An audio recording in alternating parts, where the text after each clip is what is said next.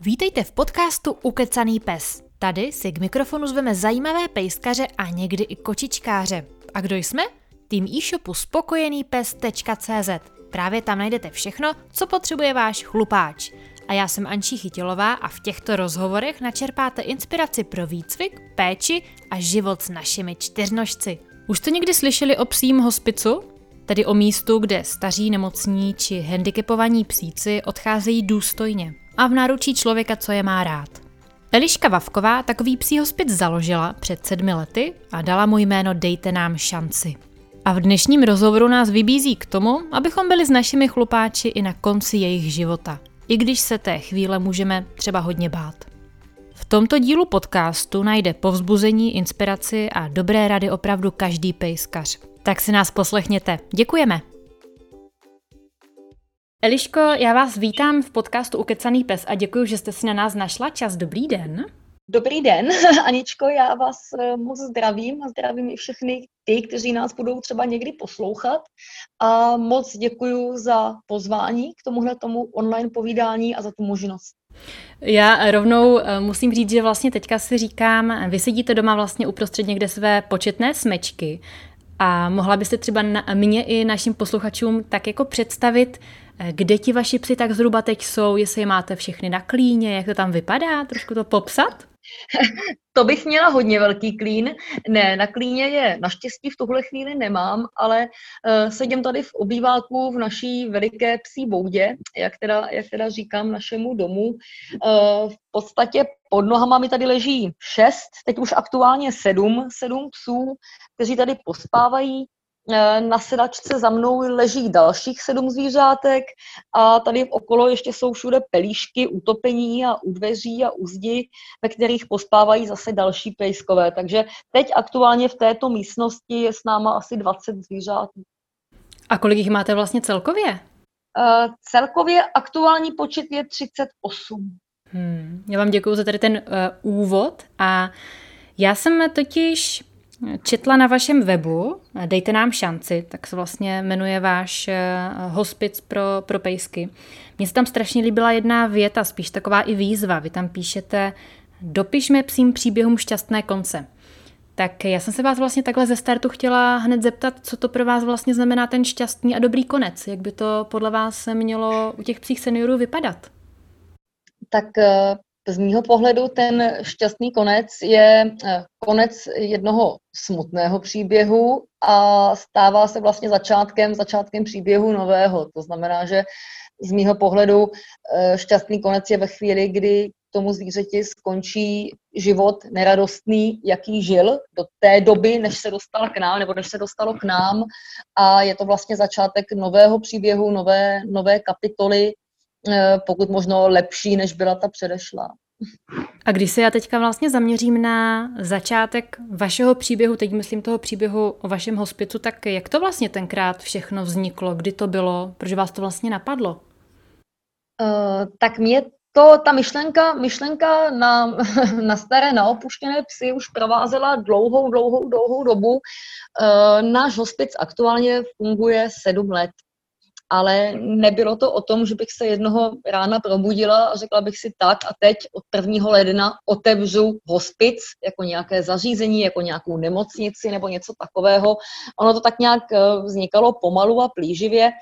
Eh, vzniklo to z nějakého pocitu mého, mého smutku, mého neuspokojení e, ze situace, která panovala nebo panuje ještě do teďka pořád ve spoustě českých útulků, kde eh, na péči o staré psy, o nemocné psy, o psy různě handicapované není většinou čas, není kapacita, nejsou peníze, není nálada, není trpělivost. A v podstatě tahle zvířata jsou často v útulcích eh, ponechávána tak jakože úplně na okraji nějakého zájmu. A eh, Zároveň mě bylo smutno i z lidí, kteří si, kteří si berou a adoptují jenom zdravé psy, jenom mladé psy, ideálně štěňátka. A ta zvířata, která de facto celý život lidem sloužila v uvozovkách, která celý život rozdávala nějaké potěšení, nějakou lásku, nějakou radost, najednou končí někde jako odpad, jako něco nepotřebného, co nikdo nechce, o co se nikdo nezajímá, a měla jsem uvnitř sebe pocit, že tohle si přeci nezaslouží, že to, to není ani důstojné, ani hodné toho, co pro nás, jako pro lidi, ti, ti pejsci udělali takže jsem chtěla, chtěla jsem uh, jim umožnit uh, dožít nějakým způsobem důstojně a vedle někoho, kde, kde nebudou vnímaný jenom jako číslo, jenom jako nějaká položka, na kterou se bere příspěvek od města, ale kde budou žít vedle někoho, kdo se o ně bude zajímat, kdo se o ně postará, dá jim nějakou lásku, dá jim nějaké emoce. Takže to byly takové ty prvotní, prvotní mý emoce, které se ve mně, ve mně honily a přemýšlela jsem, jak do toho, jak to udělat, jak to zařídit.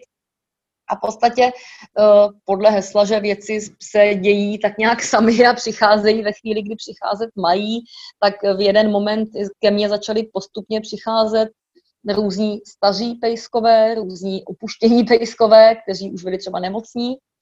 A to byl takový nějaký původní začátek, původní, původní myšlenka a původní start toho celého, toho celého hospicu. Pak se nám to malinko zvrhlo tady už tady v Bukovince po posledním stěhování, ale takže se nám to zvrhlo do toho momentu, v jakým to je teďko, že těch psů tady je takhle hodně.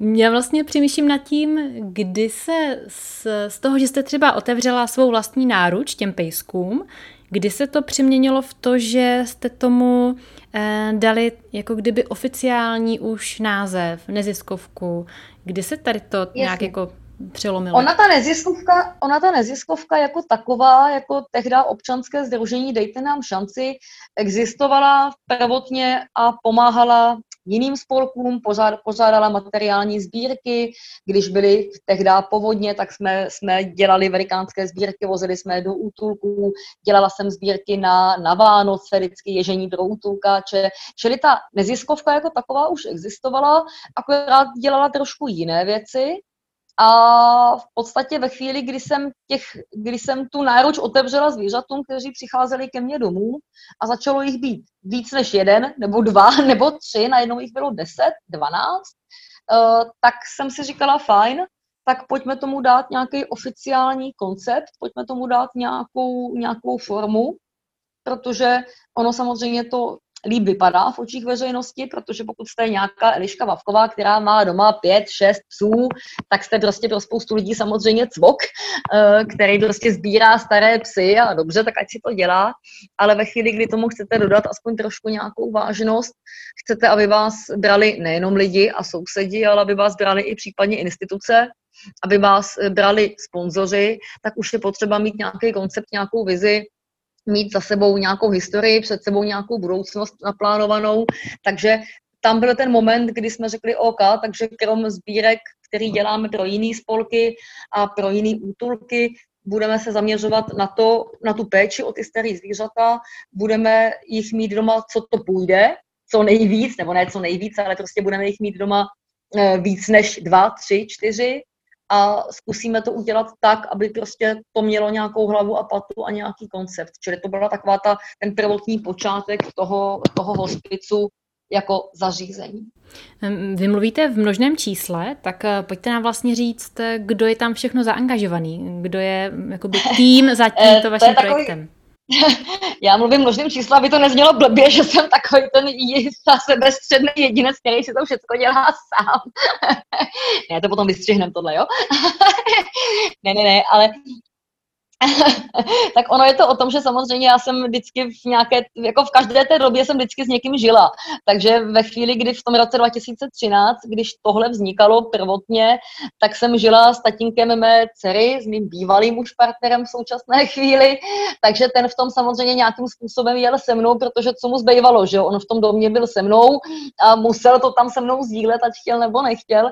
Takže tím, jakoby říkáme my, ale v podstatě přiznejme si, nebylo to až tak úplně my, bylo to spíš já a ve finále partner utekl, takže pak jsem, se, pak jsem se stěhovala různě a tak, ale jakoby v současné chvíli v té, v té finální podobě toho hospicu. To se mnou tady samozřejmě táhne můj manžel, který, který teda má normální práci, svoji seriózní práci živýho, živýho ajťákování, dělá ajťáka, ale krom toho tady samozřejmě mi s tím pomáhá, protože ono mu vlastně ani nic jiného nezbývá, že jo? On tady v tom žije, v té velké psí boudě, takže pokud, pokud nechce utéct, tak je tak nějak do toho hozený a musí mi s tím pomáhat asi ať chce nebo nechce, protože ono mu nic jiného nezbyde. On je to vlastně součást vás, takže si myslím, že jestli se vás vybral, uh, tak i, i s, tady s tímto projektem a se všemi pejsky. Tak to vnímám já. Přesně, přesně tak, přesně tak, jo. Prostě my jsme, se, my jsme se brali před dvouma rokama s tím, že vlastně už tohle všechno běželo, bylo, jelo, fungovalo,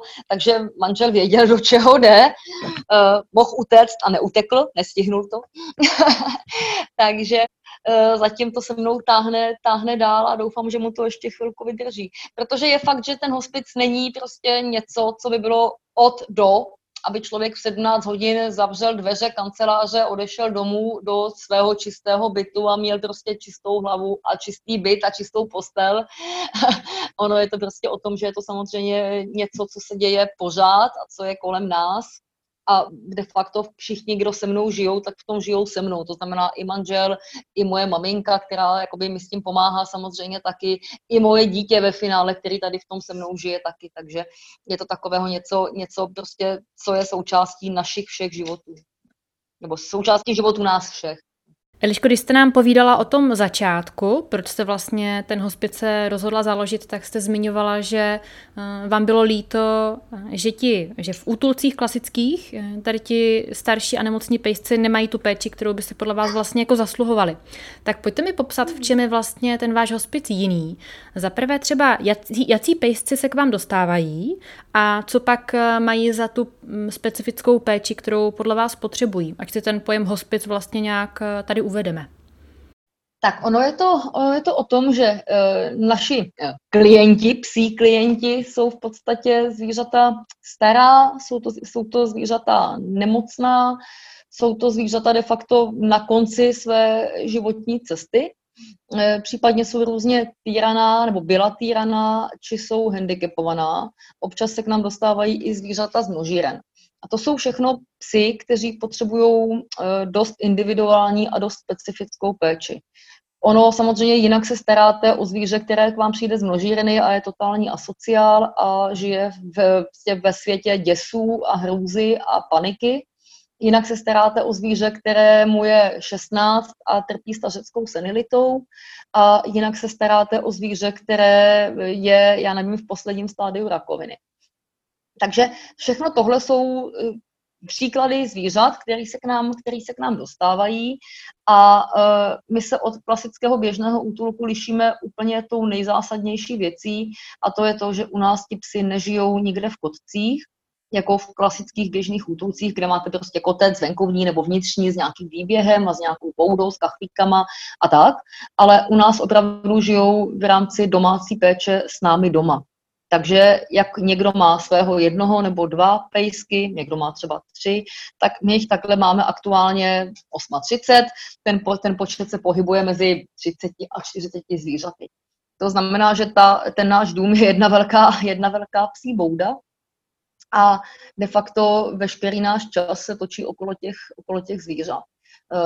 Je to o tom, že teď třeba tady během našeho hovoru se mi tady zbudilo jedno zvířátko, vím, že je to stařičký pejsek, který už trpí stařeckou demencí, to znamená, vím, že on se mi vyspinká, ve chvíli, kdy se zbudí, tak vím, že z toho pelíšku se vy, vybatolí a první, co tak udělá loužičku. Ale protože trpí stařeckou demencí nebo senilitou, tak on mi v rámci toho svého batolení se bude příští půl hodiny v té loužičce ťapat a motat se a šlapat mi v ní, ve chvíli, kdy, ve chvíli, kdy to rozšlape moc, tak do toho uklouzne a spadne. V běžném útulku někde v kotci tam to zvíře zkrátka je, protože tam je určitý počet zaměstnanců na hodně zvířat, takže při sebe lepší vůli není čas se každému z nich věnovat individuálně. Tady já vidím, že aha, medvídek se mi zbudil, dobře, vyběhnu, loužičku hned utřu, aby mi to nerošlapal, aby on do toho nespadl, případně když do toho, nedej bože, spadne, tak ho zvednu, vykoupu ho, umyju ho. Jo? Je to v podstatě jak s malýma dětskama nebo jak se starýma lidma. Ale e, při sebelepší vůli v těch běžných útulcích na to nejsou podmínky, není na to čas, protože těch lidí je tam málo, zaměstnanců je málo a byť by chtěli sebe víc se postarat, jak nejlíp umí a můžou, e, tak mají na starost obrovské množství zvířat a není v jejich kapacitách to všechno stíhat. Takže my se snažíme tady opravdu, aby ti psi s náma žili tak, jako by žili někde ve svém původním domácím prostředí s nějakým svým domácím původním páničkem, který prostě je opečovává, poponáší, zvedá je, obrací je, pomůže jim se zvednout, jo, vezme je na vycházku, vezme je na výlet, vezme je v létě k vodě, vezme je v zimě někam do sněhu si poběhat. Snažíme se prostě, aby jsme fungovali jako rodina i pro ty zvířata. Teď mi vlastně dost jasné, jaký je ten rozdíl a přemýšlím nad tím, hm, jak vlastně se k vám ti pejsci dostanou, jestli už útulky o vás ví, takže třeba se zahlásí, anebo jak, jak to funguje, přes eh, odkud se o těch pejscích dozvíte a jestli je třeba nějaký výběr, protože asi se k vám vlastně nevejdou úplně všichni. Tak, eh, těch cest, jak se k nám pejskové dostávají, je několik. Jedna cesta je právě ta, kterou jste zmínila, to jsou ty útulky, protože tím, že už nějakou dobu fungujeme, máme nějakou pověst, nějaké jméno, tak se o nás ví. A hodně útulků e, s náma už spolupracuje, čili nás samo osloví, řekne, hele, vlastně napíšou nebo zavolají, je tady u nás takový a takový pejsek, je stařičkej, prostě nebylo by u vás místo, já většinou řeknu, že jo, že by u nás místo bylo, protože jsem, jako těžko se mi, těžko se mi říká ne, to je jedna cesta. Další cesta jsou, jsou různé městské policie, veterinární zprávy, obecní úřady. Zase ve chvíli, kdy e, na obci, na některé obci řeší nějakého starého nemohoucího člověka, třeba občana jejich obce, která, který má problémy sám ze sebou, který třeba už nezvládá ani péči sám u sebe a případně odchází do nějakého domova důchodců nebo někam a nemá nikoho, kdo by se postaral, tak se snaží nás třeba starosta obce oslovit, jestli by nebyla šance to zvíře umístit k nám. To je jakoby druhá cesta.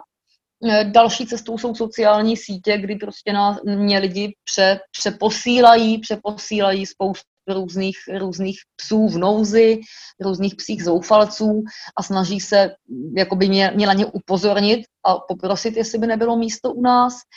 A další, další e, cestou nebo dalším způsobem jak se k nám psi dostávají, jsou psi od majitelů. To je taková ta úplně z mého pohledu nejsmutnější cesta, protože to jsou e, přímo majitelé, kteří k nám odkládají nebo se k nám snaží odložit svého vlastního psa.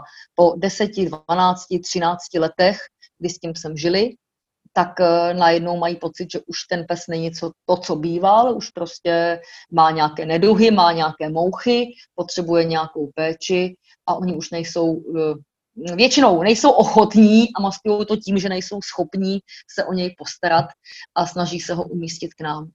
Plus nechtěné dědictví. To je další, další cesta, kdy samozřejmě někde žila nějaká babička, stařička, babička umřela, zůstal barák, barák se hodí, e, na baráku zůstal pejsek, pejsek už se nehodí. Takže to je další způsob, jak k nám ti psi putují. Jak jste o tom teď mluvila, eh, Eliško, tak mě je z toho vlastně smutno a říkám si, jak to na vás působí, jak si dokážete zachovat tady v těch situacích nějakou jako pozitivní energii, protože já věřím, že při takovém setkání s takovým člověkem, kdo se takhle vykašle na svého psa na konci jeho života, musí být hodně náročné to setkání ustát a vlastně se tam s ním na místě jako ho neodsoudit a nezhádat se s ním. Eh, jak to zvládáte, tady ty příběhy? Zvládám to těžko, pravdou je, že jsem jako většinou jsem na straně těch psů, takže jakoby nemám úplně moc tu empatii vůči těm lidem, ale samozřejmě ano, já jako snažím se ty lidi nesoudit, protože dokud jsem nechodila v jejich botách, tak se snažím prostě nesoudit. Snažím se věřit tomu, co mi říkají, že prostě nemají možnost se o to zvíře postarat a nejsou schopní a tak. Snažím se je nesoudit, ale samozřejmě vnitřně se to ve mně strašně bije, protože Eh, ve chvíli, kdy prostě máte takový ten obvyklý důvod, nám se nerodilo dítě a teď prostě jako už toho psa nechceme, což je velice častý důvod, protože on je nemocný, začal nám dělat loužičky, tak jako trošku se ve mně eh, bijou takové ty pocity o tom, že ale ty taky budeš jednou stará a budeš taky jednou nemocná a počkej, co potom udělají s tebou tvoje vlastní děcka. Jo, prostě Eh, říkám si, že karma je snad zdarma, že to, že to opravdu snad jako bude fungovat a že tohle se těm lidem snad jednou vrátí, protože taky jsem měla psy, měla jsem svý starý nemocný psy, měla jsem s nima mimino, zvládala jsem péči o to mimino, i o ty starý nemocný psy, bydlela jsem v podnájmu, stěhovala jsem se, takže vím, že to, co ty lidi většinou uvádí, nejsou důvody. Je to spíš jenom nechuť to řešit, protože když se chce, tak člověk hledá nějakou cestu, nějaký způsob, jak to vyřešit, tu situaci. Takový to, že prostě musím se odstěhovat a nemám kam a tak. Taky jsem se stěhovala mnohokrát, stěhovala jsem se s vlečákama, takže jsem měla dva velký německý ovčáky, kteří, kteří putovali se mnou a vždycky jsem bydlení našla ale vždycky jsem našla bydlení, které bylo horší, škaredší, dražší, na horším místě. Ale bylo to za cenu toho, že ty psy můžu mít sebou. Takže takový to, že stěhujeme se do bytu a nemůžeme si vzít sebou malého vozíška nebo malou čivavu, protože prostě nás tam majitel nechce, tak si zkrátka musím najít jiné bydlení. A tak si myslím, že je to ze vším. Takže jako hodně, hodně se to ve mně pluče, být na ty lidi příjemná, komunikovat s nima v dobrým, ale zároveň vědět, že spousta toho, co mi říkají, jsou jenom výmluvy. Hmm, výmluvy a pohodlnost vlastně asi často. E, tak, ano. Nechuť, nechuť si komplikovat život, nechuť něco řešit. Mně se hrozně líbilo, jak jste mluvila o tom, že když se jim narodí třeba dítě do rodiny, tak e, aby se jim to pak karmicky nevrátilo, protože mně přijde, že oni vlastně pak mají možnost těm dětem ukázat, že i když je to náročné, tak se o to odcházející zvířátko postaráme a vlastně takhle by je to mohli naučit a nějak jim to vtisknout. A takže pak mně přijde, že jim ukážou ten opak, opak. Jakože šup, nehodí se, nazdar. Takže se pak nemůžou divit, když se jim ano. stane to tež. Hm. To je přesně, přesně ono, že si vždycky říkám pro boha, co ukazují těm dětem svým. Oni jim ukazují, že máme zvíře, dokud nám dává něco pozitivního pro nás, něco příjemného, dokud si s ním můžeme hrát, tak si ho necháme. A ve chvíli, kdy se nám v uvozovkách rozbije, tak ho vyhodíme, pořídíme si zase něco jiného, protože jako co s tím, že je to starý a rozbitý, jo? ale takhle to přeci nemůže fungovat, takhle to přeci nejde. Ty děcka to vidí, učí se to, budují si k tomu vztah nějaký a ve chvíli, kdy prostě u těch rodičů vidí tohle, vidí tu neúctu vůči tomu zvířeti, to, jak si toho neváží, toho času, který jim to zvíře dalo, tak to jednou budou samozřejmě opakovat. Jo? A to je z toho mě vždycky strašlivě smutné. Hmm. Liško, mě napadá, jak to vlastně eh, je u vás, jestli vy těm pejskům hledáte ještě eh, nové domovy, když třeba je někdo ochotný si vzít i pejska na dožití, eh, nebo je to vlastně tak, že už u vás dožijou? Jak to je? Ono to je tak půl na půl. My samozřejmě úplně, úplně původní myšlenka byla ta, že budeme opravdu hospit s tím, že ti psi u nás budou dožívat, protože mě ani nenapadlo, že by si někdo byl ochoten adoptovat nějaké staré zvíře, nemocné zvíře. Pak jsem postupem doby zjistila, že naštěstí ten pohled na ty staré psy se jako protipol těm, kteří se jich zbavují, tak je i část lidí, kteří naopak jsou ochotní si je vzít. Takže jsem zjistila, že se mi začali lidi ozývat s tím, že by chtěli si vzít ode mě to staré zvíře. Takže část psů dneska od nás do adopcí odchází Samozřejmě odchází ti, kteří jsou toho schopní, to znamená, nemyslím tím teď jenom fyzicky, ale hlavně i psychicky. Ve chvíli, kdy se, kdy se k nám dostane nějaké hodně zlomené, hodně týrané zvíře, mm, někde z nějaké množírny a uh, většina se jich dá do pořádku psychicky, srovná se, zapracujeme na tom a jsou schopní adopce, ale zůstává takové vždycky procento těch, kteří se navážou na mě, navážou se naprosto nezdravě na mě a potom už jakoby vidím a vím, že jakákoliv změna už by byla k jejich neprospěchu. Takže samozřejmě v tu chvíli, když tohle vidím, tak to zvíře zůstává u nás. Ale eh, je to tak většinou půl na půl. Půlka zvířat odchází do adopcí a zhruba půlka zvířat, která k nám přijdou, tak u nás i zůstává a dožívá ale už jsme trošku jako si zvykli i na to, že nám odchází do adopcí i hodně stará zvířata. Měli jsme pudlíka Péťu, kterému bylo 19 a v těch 19 letech ještě odešel do adopce do Švýcarska a opravdu v té adopci dožil ještě asi 9 měsíců. Jo? Měli jsme tady týrany, měli jsme tady týraného, týraného Valentína, který se našel v zoufalém stavu, dali jsme ho do pořádku a jel do adopce na Slovensko do Bratislavy k jedné úžasné dámě, která si ho jako starého, starého psa vzala a ještě u ní dožil několik let. Měli jsme tady obrovského německého ovčáka, medvěda, kde jsem, byl, byl tady rok. Ani jsem nedoufala, že se ještě vůbec adoptuje, ani jsem s tím nepočítala. Prostě byl to obrovský kus psa a přesto se potom roce našli, našli nadšenci a prostě lidi, kteří byli ochotní si ho vzít, vzali si ho s láskou, vzali si ho s nadšením a to zvíře u nich dožilo další téměř rok a prostě dožilo jako jedináček nebo jako, jako jeden ze dvou, ze dvou psů v, milující, v milující rodině, mělo milující páničky a to je vždycky to nejvíc, co může být. Protože i když je u nás, tak je u nás stále jeden z mnoha. Těch psů tady je hodně, takže ta, to zvíře je součástí smečky a byť se snažím tu péči jim dát úplně maximální, co můžou mít, tak samozřejmě ve chvíli, kdy se dostanou k někomu, kde jsou samotní nebo kde jsou třeba jenom dva ti psy, tak je to to úplně nejvíc, co může být, protože se dostanou někam, kde jsou, kde jsou uh, králové. Třeba berou si ti uh, lidé pak třeba dalšího pejska, když ten jeden už v jejich péči zemře, že by zase vlastně dali ten domov nějakému odcházejícímu pejskovi, že by vznikla tak... Ono to tak, no, ono to tak funguje, v podstatě jakoby ne, neoficiálně to tak funguje. Spousta těch lidí, kteří si od nás během těch let vzali nějaké to staré zvíře, ve chvíli, kdy jim odešlo, tak mě oslovili znova.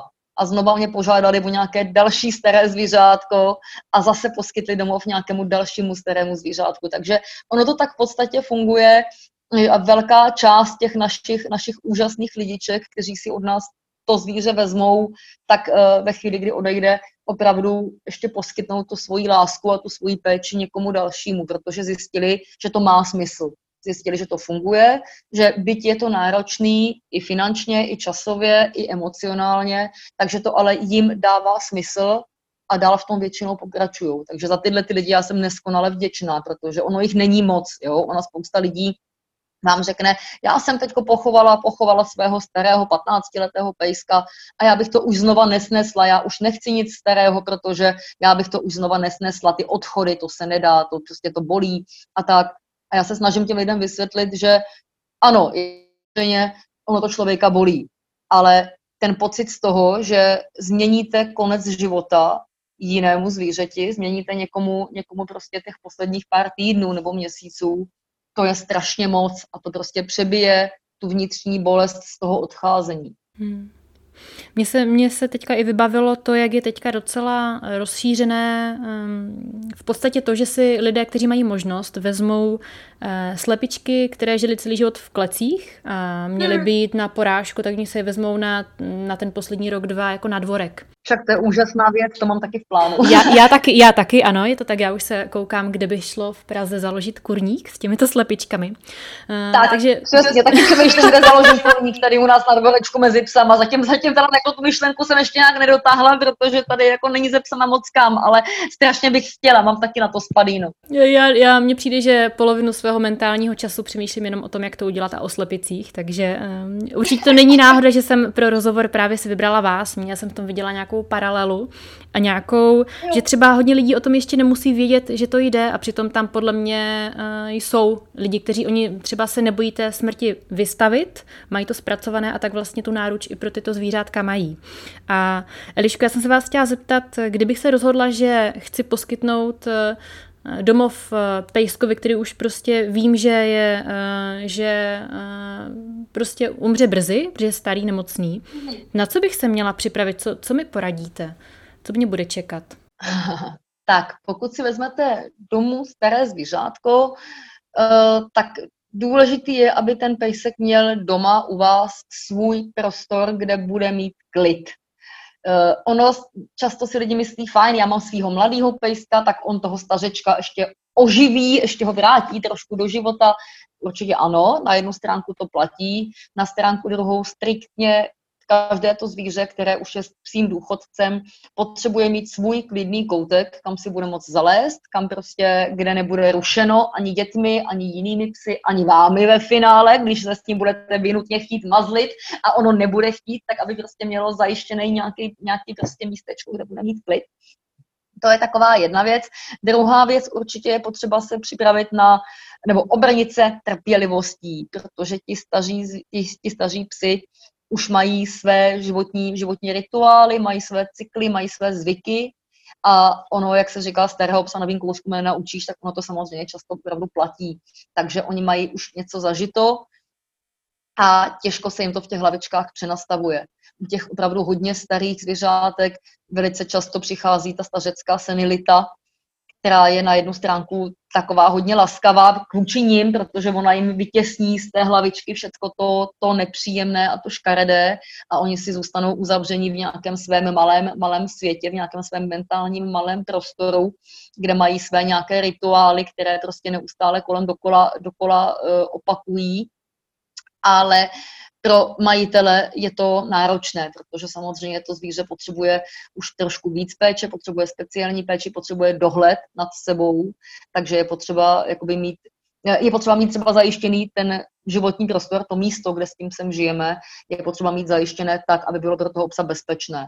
Je to stejně, jako když si pořídíte štěně, tak odstraníte kabely, které může překousat, eh, utěsníte zásuvky, do kterých může strčit čumák, stejně jak malé děcko.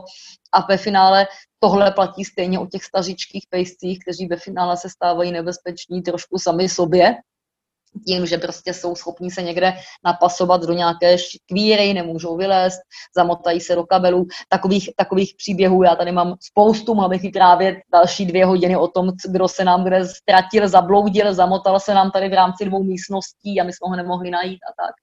Takže jako neříkám, že je to jednoduché pořídit si staré zvířátko a dát mu tu péči, ale uh, určitě se to člověku strašně moc vrátí na těch pocitech, na tom, že udělal něco dobrého a hlavně viděl, jak to zvíře ještě rozkvete, jak se mu v těch očičkách ještě trošku zase rozběhne, rozběhne život. Je to strašně hezky. Hmm. Máte třeba vy nějaký takový hm, speciálního klienta, na kterého eh, nejčastěji vzpomínáte, který takhle u vás vykvetl? ono těch zvířat už tady, těch zvířat už tady jakoby naším hospicem prošlo několik set, jo, takže je pravdou, že, že prostě uh, jako část těch pejsků už člověku lehce splývá, ale jsou takový, kteří opravdu zůstanou v té hlavě, jedním z nich je Valentín, nebo byl Valentín, to právě byl jeden z těch úplně prvních našich obyvatel, což bylo zvířátko, nějaké osmikilový prostě pejsek typu maltézáčka, takový bílej, původně asi někdy bílej, který byl nalezený vyhozený, uvázaný kravským řetězem, kde si v polích, kde prostě bylo jasný, že nemá absolutně šanci na nějaký vymotání se prostě na to, aby ho někdo našel a tak. A úplně haluzově, náhodou ho venčitelé prostě objevili. Někdo tam šel na vycházku ze psem a objevil tam prostě zvíře, uvázaný kravským řetězem, ten pejsek měl ještě bodnou, bodnou ránu na hlavě a tak. Takže ten byl v totálně zoufalém, zoufalém stavu dostal se k nám, my jsme v podstatě jako řešili, jestli vůbec se dá do pořádku, protože ještě měl spoustu různých nádorů po těle a tak. Ve finále teda jsme ho do pořádku dali, takže to zvířátko se podařilo dát do, do pořádku po stránce zdravotní i po stránce psychické, takže prostě se z něj stal poměrně pohodový pejsek. A právě byl to ten, který odešel do té adopce na to Slovensko, do té Bratislavy, k té úžasné, úžasné dámě, která ho dochovala a já, když jsem potom viděla ty fotky, které mi posílala, kde prostě to, to původně špinavé, zablešené, zadredovatělé zvířátko, prostě ten kopeček, kopeček nervů se, se najednou na těch fotkách rozvaloval na krásné sedačce, prostě v krásné velké vile a měla si o 6 kilo víc, než, než původně k nám přišel, tak to jsou takový ty momenty, které si člověk pamatuje, jo? že prostě Valentín byl jeden z prvních, a vím, že prostě se mu ten život změnil úplně o tisíc procent, protože z toho, jak žil předtím, jak se k němu majitel zachoval, najednou dožil jako král prostě a užíval si to. Takže to je jeden z těch šťastných konců, na který člověk samozřejmě velice rád vzpomíná. E, další takový příběh, který e, je taky nezapomenutelný, nicméně ten nemá šťastný konec, je příběh týraného, týraného Bennyho, což byl kříženec velkého plemene, něco jako Briard, vlastně kousek od Brna ze Zbíšova, kde živořil na jedné zahradě u domu. On živořil u svého pána u domu, kde byla prostě, bylo to zvíře, že nebylo ani poznat, co to je. Nebylo poznat, kde má hlavu a kde má, kde má zadek, protože to byla obrovská koule dredů, slepených, slepených exkrementy tak, že vlastně nemohl chodit, nemohl vylučovat, nemohl se pořádně najíst měl obrovskou podvýživu, byl prostě v šíleném stavu ve finále teda. Eh, a majitel to bral jako, jako normu, jakože prostě eh, on nemá boudu, on nechce do boudy, ke mně do baráku taky vlastně nechce, on žije venku na zahradě a to je normální, to je běžné. A to, že ten pes prostě měl na sobě pět kilo dredů, který když se ostříhali, tak ukázali úplně kostru potaženou kůží, to jako nikdo neřešil. Jo? Takže to byl, který se k nám dostal v podstatě už teda bohužel pět minut po 12. Uh, my jsme o něj bojovali asi dva měsíce, tady o, něho, o ten jeho zdravotní stav. Byli jsme pečení vaření na veterině, bylo to o Vánocích, takže jsme strávili, já jsem strávila v, eh, Vánoce, Vánoce v podstatě ježděním po veterinách a pes byl na kapačkách, takže jsme kapali kapačky doma, pak jsme kapali kapačky na veterině, pak jsem tam za ním jezdila na návštěvu. Uh, Pejskovi ve finále selhaly ledviny. Takže bylo to ten příběh, který neměl ten šťastný konec, protože to zvíře po, to, co, po té, co teda několik let takhle žilo, nebo spíše živořilo u svého majitele, tak uh, mohlo dostat šanci, nebo dostalo šanci tady u nás na to, že ho dáme do pořádku, ale bohužel to tělo už na tom bylo tak špatně, že, to, že už to nezvládl. Takže ten nám tady chviličku po Vánocích odešel a to, to je jakoby jeden z příběhů, který člověk jakoby ne, z té hlavy nevymaže, protože ty fotky toho zvědovaného psa a ten stav, kdy to bylo jak na houpačce, prostě kdy jeden den se najedl a trošku se snažil chodit, další den zase už, už jenom ležel a odmítal komunikovat a odmítal prostě fungovat a člověk u něj fakt jakoby tomu podřídil ten život a trávil s ním dnes, dnes, eh, dnem i nocí každou chvíli. Prostě to člověk samozřejmě z hlavy nevymaže. Takovýchhle příběhů tady máme eh, mnohem a mnohem víc, ale to bychom si tady povídali ještě za dva dní, takže za stolika času určitě nemáme. Liško, jak mi vlastně tady popisujete tady ten třeba i váš eh, jako boj o život jednoho pejska, tak mně přijde, že je to hodně mm. intenzivní hmm, zkušenost. Tak co třeba um, vám jako pomáhá za podporu, abyste tohleto zvládali? Jsou to finance, je to, je to jako jiná, uh, jiná nějaká forma podpory? Klidně nám to i konkrétně řekněte, kdyby nějaký posluchač vás chtěl podpořit, tak ať vlastně víme, jak můžeme pomoct. Takhle, my jakoby díky tomu, že, nebo díky i sociálním sítím a díky takovýmhle aktivitám, jako je dneska tohle naše povídání a díky různým článkům, už se o nás ví a to, že se o nás ví, je na jednu stránku špatně, protože se nám, se nám sem snaží lidi nad, jako dát, umístit zvířata místo toho, aby se o ně postarali sami, ale na stránku druhou se díky tomu kolem nás buduje nějaká komunita eh, fanoušků v úvozovkách, podporovatelů, takže máme okolo sebe strašně moc fajn lidí, kteří, kteří prostě jsou ochotní nám pomoct de facto s čímkoliv. To znamená, že ve chvíli, kdy já zjistím, že něco potřebuju, Teď tady máme třeba pejska, který, který si rozkravává záda, protože prostě má alergii na bleší kousnutí, taky žil úplně šíleně v šílených podmínkách. Teď už je v pořádku, ale prostě e, má ještě boláky na zádech do, do živého a já jsem potřebovala na něj nějaký obleček v jeho velikosti, takže jsem napsala na sociální síť, Ježíš Maria, potřebujeme obleček, nemáte někde někdo, během dvou dnů se mi ty oblečky sešly tři. Jo, takže máme úplně úžasnou prostě komunitu lidí, kde v podstatě napíšu, ano, medvídek potřebuje plínky, protože se nám počurává, pak si v tom v noci třeba leží a prostě lidi nám pošlou plínky, jo, což je úplně plínky, které třeba jim zbyly po jejich pejskovi. Takže tady ta interakce s lidma je strašně úžasná, strašně skvělá. Eh, samozřejmě nám dlouhodobě pomáhají finance, protože co si budeme povídat, jednak za ty finance můžeme koupit ty plínky nebo ty oblečky, a žrádlo samozřejmě a tak, ale hlavně uh, ty finance nám dávají trošku svobodnou ruku i v tom, jak nákladnou léčbu s tím, s tím každým konkrétním psem podstoupíme. Jestli prostě mu dopřejeme něco ještě víc nadstandardního, jestli prostě pořídíme pořídíme nějaké věci pro, to, pro ty zvířata víc nad standard, nebo prostě si zůstaneme, zůstaneme jenom v nějakém základu s tou péčí. I tohle je to, co nás odlišuje, odlišuje od těch běžných e, průměrných městských útulků. Tam jsou financemi limitováni, to znamená, že prostě pejskům, pejskům se dostává péče té nezbytně nutné, ale ve chvíli, kdy by se měly dělat nějaké složitější zákroky veterinární, chirurgické, tak ve spoustě útulků se už tohle neřeší, protože ty finance na to nejsou. My zaplať pámbu díky, díky lidem ty finance na to máme, takže můžeme nechat těm zvířatům dělat i zákroky, které nejsou třeba úplně běžný a který by běžně v útulku se, kterých bych se jim běžně v útulku nedostalo. Nás veterina stojí měsíčně 40-50 tisíc, takže to jsou takové částky, které úplně běžně si třeba lidi nepředstaví, nebo prostě jim si to třeba nedomyslí, že jako, a tak mají tam psy, tak co, co jim dají nějaký granule a nějaký očkování. Ale ono to je o tom, že 99% těch psů tady u nás je nemocných.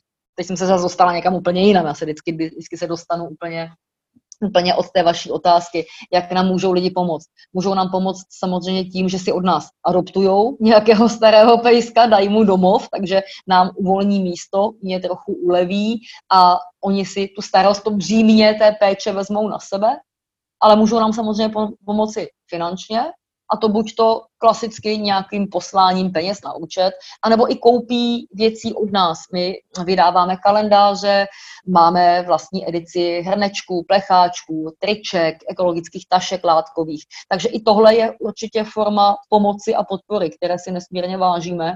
A ještě další, další možnost, eh, samozřejmě eh, vítáme určitě pomocníky jakoby fyzicky. To znamená, pokud někdo chce a udělá si čas uh, přijet a pomoct nám tady fyzicky s něčím, tak jako ho určitě vítáme. Ale ono je to o tom, že často ty lidi chtějí třeba jenom venčit, ale ta pomoc není jenom o tom venčení. Ta pomoc je o tom, že někdo přijde, nebo třeba ideálně chodí pravidelně, což nechodí bohužel, ale v ideálním případě chodí třeba někdo pravidelně a třeba nám pomůže s úklidem a tak, ale zatím teda takových lidí moc není, co si budeme povídat. A tak třeba nás slyší někdo, komu se to zalíbí. Ano. Eh, možná i pro posluchače, kde, kde vlastně sídlíte? Odkud by takový dobrovolník eh, měl být? Tak, my jsme, my jsme 20 kilometrů za Brnem, 15 kilometrů před Vyškovem a 18 kilometrů od Blanska. Takže jsme v takovém trouhelníku mezi Vyškovem, Blanskem a Brnem. V podstatě jsme dostupní, dostupní i MHDčkem nebo IDOSem, IDOSem z Brna autobusem, dá se k nám v podstatě dojet za 40 minut, takže to není žádný konec světa. Dá se k nám jezdit pravidelně. Jsme, jsme vlastně v dědině, která se jmenuje Bukovinka, což je taková malá, malá vesnička, ale je tady velice krásný okolí, je to moravský kras už, takže jsou tady lesy, jsou tady houby, je tady možnost koupání se, je tady krásně. Přijeďte.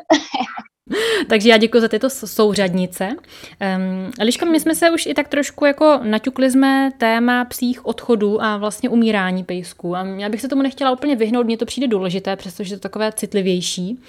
Uh, mně totiž napadá, co třeba z vašeho pohledu, když vy už těch eh, psích smrtí a odchodů vlastně máte za sebou hodně, tak co si myslíte, že ten pejsek na odchodu vlastně potřebuje nejvíc? Já si myslím, že byste nám v tom mohla i dát nějakou, nějakou radu, že fakt eh, těch zážitků máte spoustu. Já si myslím, že každý ten živý tvor, ať už je to pes, kočka, nebo konec konců i my lidé, asi nechcem odcházet sami asi všichni ocení, když můžou odejít někde smíření v nějakém kruhu svých blízkých a ten pes potřebuje, nebo myslím, myslím si, že potřebuje uh, přítomnost toho svého blízkého člověka.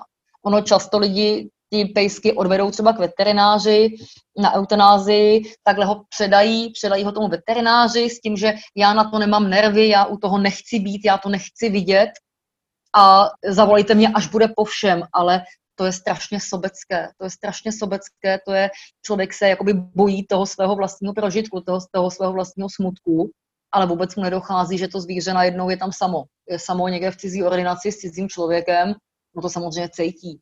Ti zvířata, ty psy mají intuici, mají šestý smysl, oni to vědí, že se něco, něco takového blíží, že se blíží konec a teď najednou to prožívají někde úplně jinde s někým cizím. Tak by to být nemělo. Uh, určitě bych, by ocenili a určitě by u toho vždycky majitel měl být. Ideální případ je, když ten veterinář přijede domů. Když to zvíře nestresujete prostě před, před eh, koncem nějakým převozem někam, nějakým čekáním v čekárně, teď prostě, že většina těch psů u toho veterináře má strach, cítí, cítí prostě, že to jsou doktoři, že se bude něco dít. Úplně ideální je, když opravdu ten veterinář vám přijede domů a apelovala bych na ty, na majitele, nikdy, nikdy toho pejska v tom nenechávejte samotného. Je potřeba, aby se ten člověk uh, s tím smířil sám v sobě, protože uh, ten pes neocení žádnou hysterii, žádné hysterické scény, žádné slzy, prostě uslzavé údolí a Ježíš Maria, neodcházej a tak. Uh, ten pes vnímá ty emoce toho svého pána a ve chvíli, kdy, to, kdy ten majitel se psychicky hroutí, tak ten svůj strach, tu svoji nervozitu přenáší na to zvíře. A to zvíře v tu chvíli toho odchodu není smířené, je, je, je vystresované z toho svého majitele. Takže i kdybych se já měla sama v sobě vnitřně ubrečet, uplakat se, tak eh, prostě v ten moment, v tu chvíli toho odchodu jsem s tím zvířetem, držím ho za tlapku, držím ho v náručí, povídám si s ním, ale ne, neroním nad ním slzy, eh, nehroutím se, to až potom, to potom samozřejmě taky přijde, ale, ale v tu chvíli se snažím mu dát nějakou maximální podporu a přenést svůj vnitřní klid na to zvíře, aby cítilo, že je v bezpečí, že se neděje nic strašného a že to, co přijde, už bude jenom lepší a lepší, že ten odchod je jenom přechod na nějaké lepší místo, kde už nic nebude bolet, kde už bude všechno v pohodě a kde, kde se zase jednou potká s tím páníčkem. Takže určitě ti pejskové potřebují klid, nějaké smíření toho majitele s tím odchodem a potřebují především tu jeho přítomnost. Jak o tom mluvíte, tak mě uh, vlastně pořád musím přemýšlet o tom, že je to, to, že máme ty psy a že nám jednou umřou, uh, takže je to pro nás taková možnost vlastně tady to, toho tématu se nějak dotknout a nějak se s tím naučit směřovat i jako sami v sobě, že my jsme taky smrtelní. Tak mně pak přijde, že fakt mhm. tam podle mě ta míra strachu ze smrti pak rozhoduje, jako mé vlastní rozhoduje, jestli já toho, jestli ustojím umírání mého chlupáče, anebo jestli se ho budu takhle mít právě tendenci zbavovat a delegovat to a nechávat ho na veterině samotného a spol. Takže to je podle mě hodně hustý barometr vlastně, eh, jak o tom tady mluvíte. Ještě taková jedna věc, eh, myslím si, že taky důležitá, je umění nechat to zvíře odejít včas. Ta hranice je často strašně tenká ale spousta lidí to zvíře drží na té své straně za každou cenu. Ale je to většinou z toho hlediska toho svého sobectví, kdy mě, mě potom říkají, víte, já si to bez něj neumím představit, jak já bez něj budu žít, tak ještě chvíli to zkusíme, ještě chvíli ho nechám, ještě chvíli, jo, budeme ho tady prostě držet, ale to není kvůli tomu zvířeti. My kvůli tomu zvířeti bychom ho měli nechat odejít ten pes naštěstí má tu výsadu, tu možnost eutanázie, což my lidi zatím bohužel nemáme. A může, my to můžeme ovlivnit, kdy odejde a jaký ten konec bude. Jestli ho necháme přežívat a živořit v nějakém trápení, v nějakých bolestech, jenom z nějakého sobeckého pocitu, že já bez tebe nemůžu být a co já si bez tebe počnu, nebo jestli si řekneme, tak tohle přeci už si nezaslouží, tohle už není důstojné toho zvířete a teď máme tu možnost a teď, teď prostě to zvíře necháme odejít. Necháme ho odejít důstojně, necháme ho odejít pokud možno bez trápení, bez bolesti a v nějakém smíření a nebudu přenášet ten svůj egoistický strach z toho, že co já si bez tebe počnu na něj a držet ho za každou cenu. Takže je důležité najít tu nějakou hranici, kdy ještě ano a kdy už ne. Jak třeba vy hledáte tu hranici? Hmm, už máte na to lepší jako nacítění po těch zkušenostech, po těch letech? Ono je to strašně moc individuální. Každý to zvíře to má nastavený úplně jinak, ale uh, troufám si říct, uh, že už to snad i poznám, i když i já samozřejmě pochybuju. Jo? Jsou momenty, kdy prostě si říkám, už to ukončíme, pak se stane něco, kdy si říkám, a tak ještě chvilku. Ale taková ta nějaká hranice je jako samozřejmě bolesti. Bolest je jasná, nikdo nechce dlouhodobě žít v bolestech. Myslím si, že ani já a ani nikdo z našich blízkých by nechtěl žít v bolestech, nějaké trvalé bolesti, nesnesitelné bolesti. To je jedna věc. Druhá věc, ono často to poznáte na očích. Ono, ta smrt se pozná na očích to, že je blízko, poznáte na očích toho zvířete, kdy uh, se tam objeví taková nějaká prostě takový stín, stín, kdy ty oči vypadají jinak. Ono se to těžko takhle popisuje, těžko to prostě popsat takhle slovy. To oko vypadá jinak. Je to takový ten záblesk, kdy to zvíře se na vás podívá a vy tam vidíte takový to, jakože už mě nech odejít, já už tady být nechci, už to nestojí za to.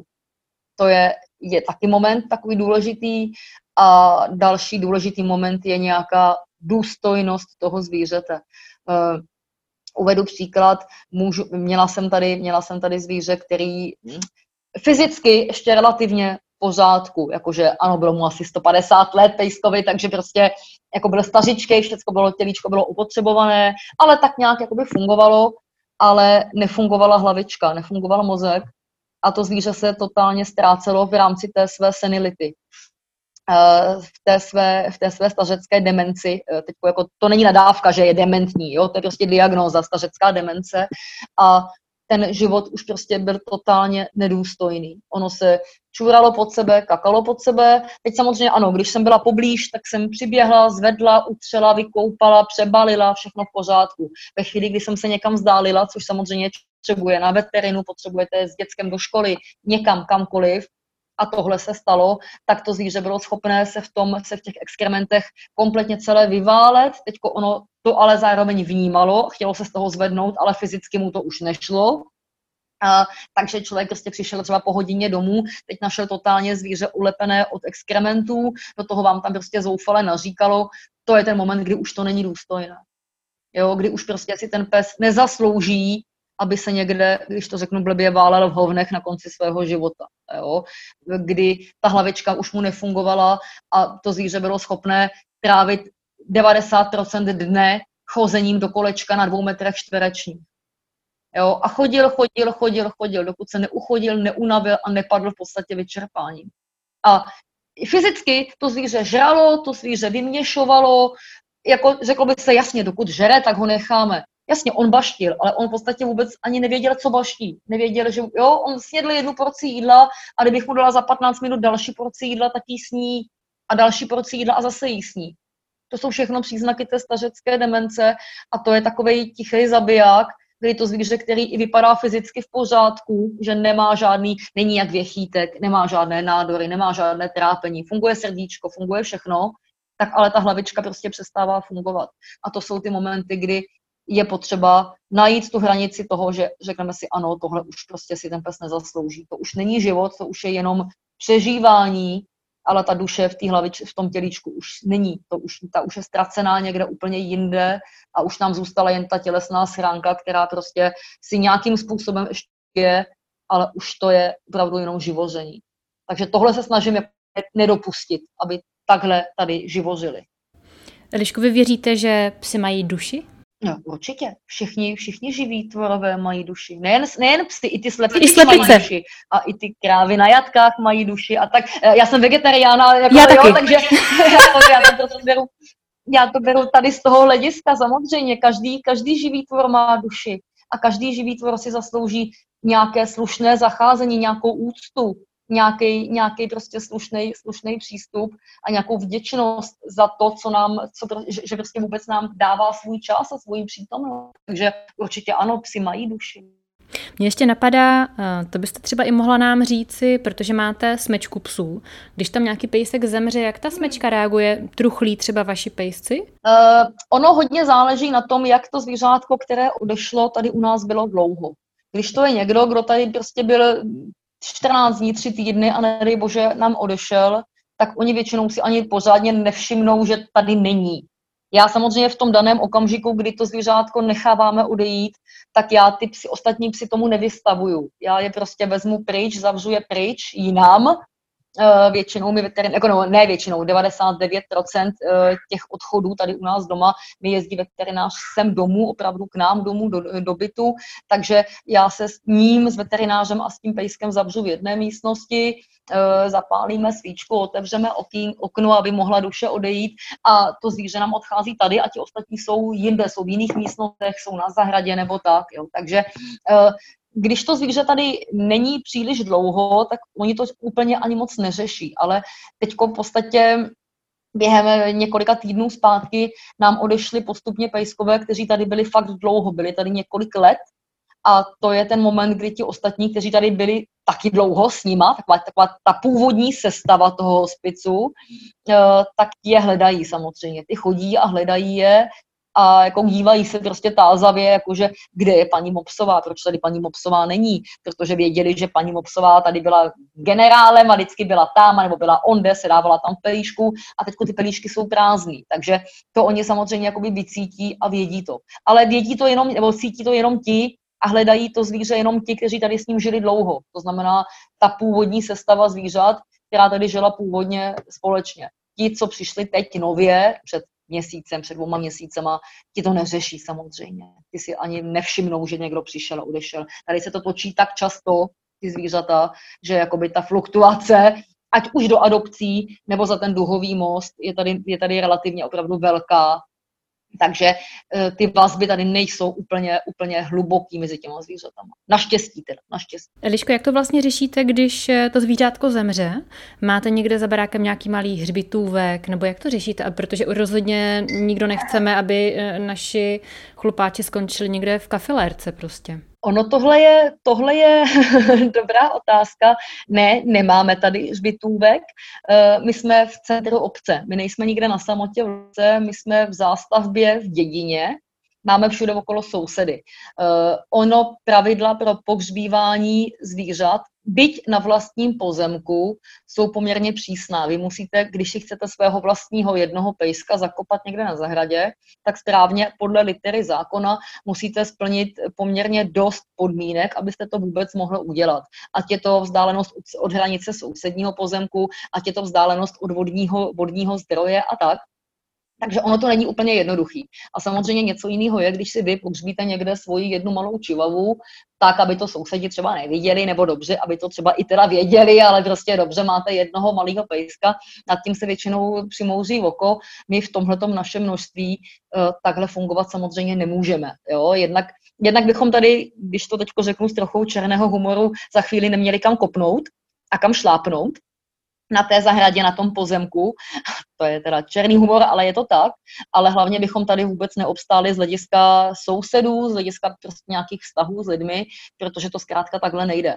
Takže e, my jsme šli tou cestou e, etickou, takovou, že máme vlastně smlouvu tady v Brně zaplať pámbu, funguje krematorium zvířat, Eh, které s náma má smlouvu. My máme s nimi smlouvu už několik let a všichni naši odejítí pejskové eh, končí v, u nich v rámci jejich kremace.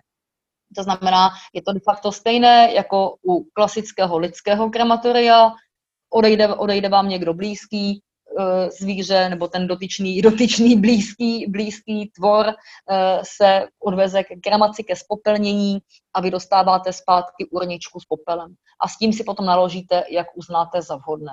To znamená, my tady u nás eh, dostáváme zpátky urničky a máme tady takové jakési kolumbárium, nebo jak bych to nazvala.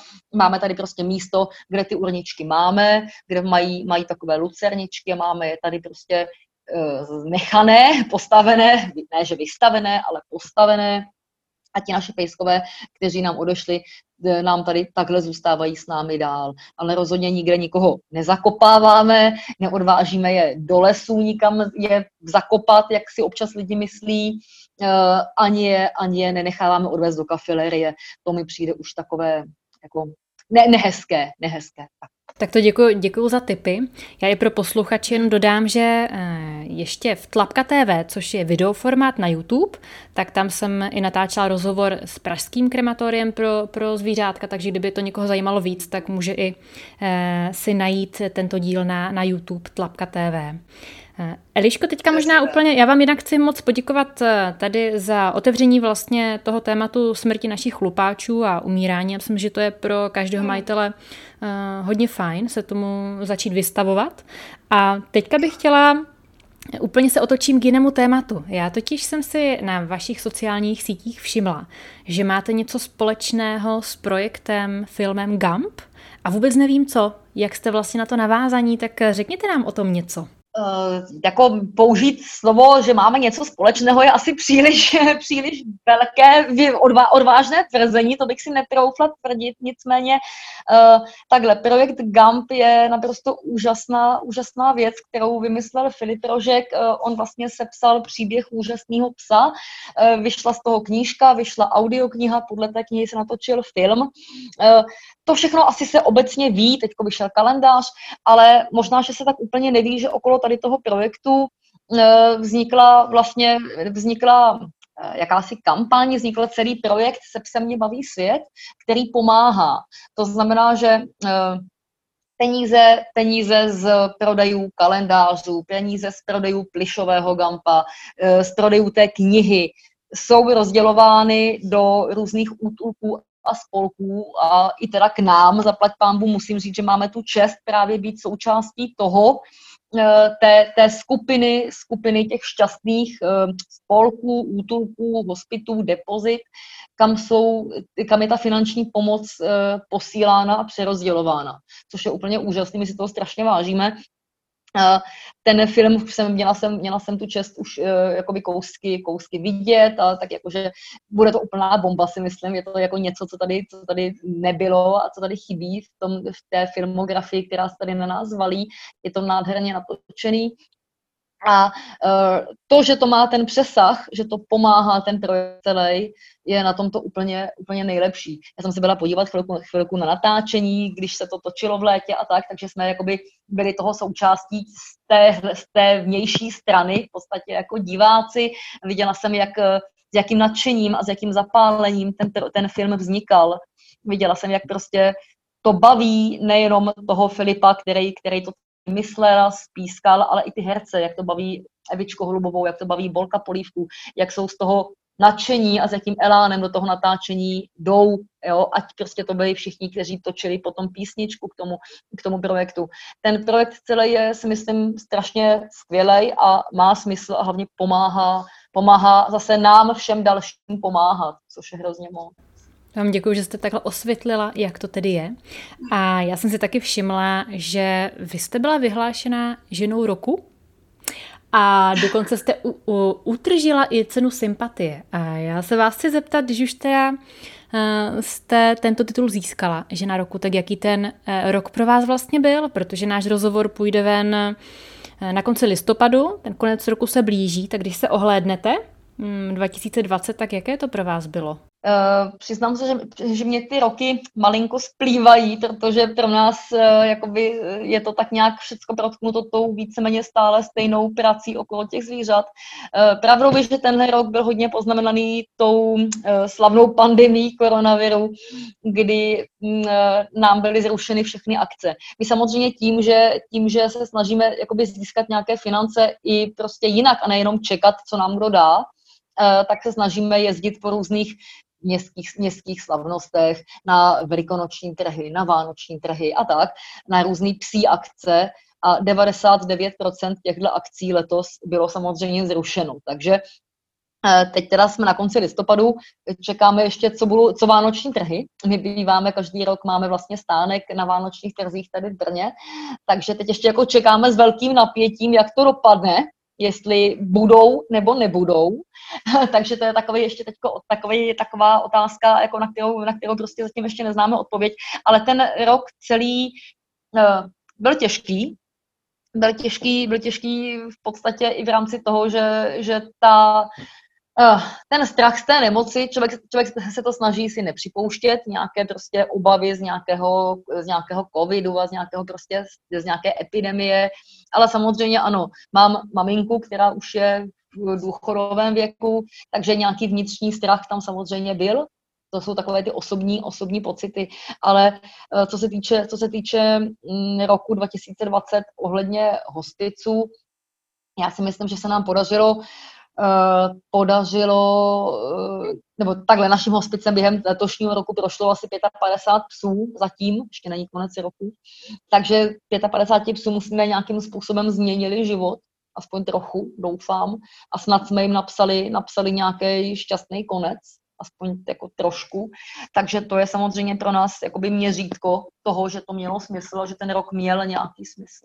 Liška, já vám eh, z celého srdce přeju, aby i ten další rok, eh, nový, který se blíží, byl naplněný takovým smyslem a ať připíšete vy i všichni, kdo vám pomáhají, co nejvíc příběhů, eh, aby měli právě ten dobrý konec. A moc děkuji, že jste byla hostem v podcastu Ukecaný pes. Tak já taky moc děkuji a v podstatě děkuji i těm všem, kdo nás budou poslouchat, že třeba se zamyslí a že třeba je tohle povídání malinko inspiruje v něčem, ať už v tom, že třeba adoptují pejska, nebo že třeba do nejbližšího útulku dovezou granule, nebo že pošlou dvacku na účet kteréhokoliv spolku nebo útulku, nejenom toho našeho, ale že zkrátka nebudou lhostejní a nebudou zavírat oči před tím, co se děje, nebudou zavírat oči před těma špatnostma, které se dějou vůči zvířatům obecně, protože ve chvíli, kdy, kdy vlastně před, před tím zlem ty oči zavřete, tak jste na jeho straně. To znamená, že pojďme si eh, do nového roku vlastně eh, popřát mhm. co nejvíc odvahy nám všem. Přesně tak, co nejvíc odvahy. Děkuju. Spokojený pes štěká i na Facebooku a Instagramu a na webové boudě spokojenýpes.cz. Tam všude jsme pro vás rádi. Tlapku na to!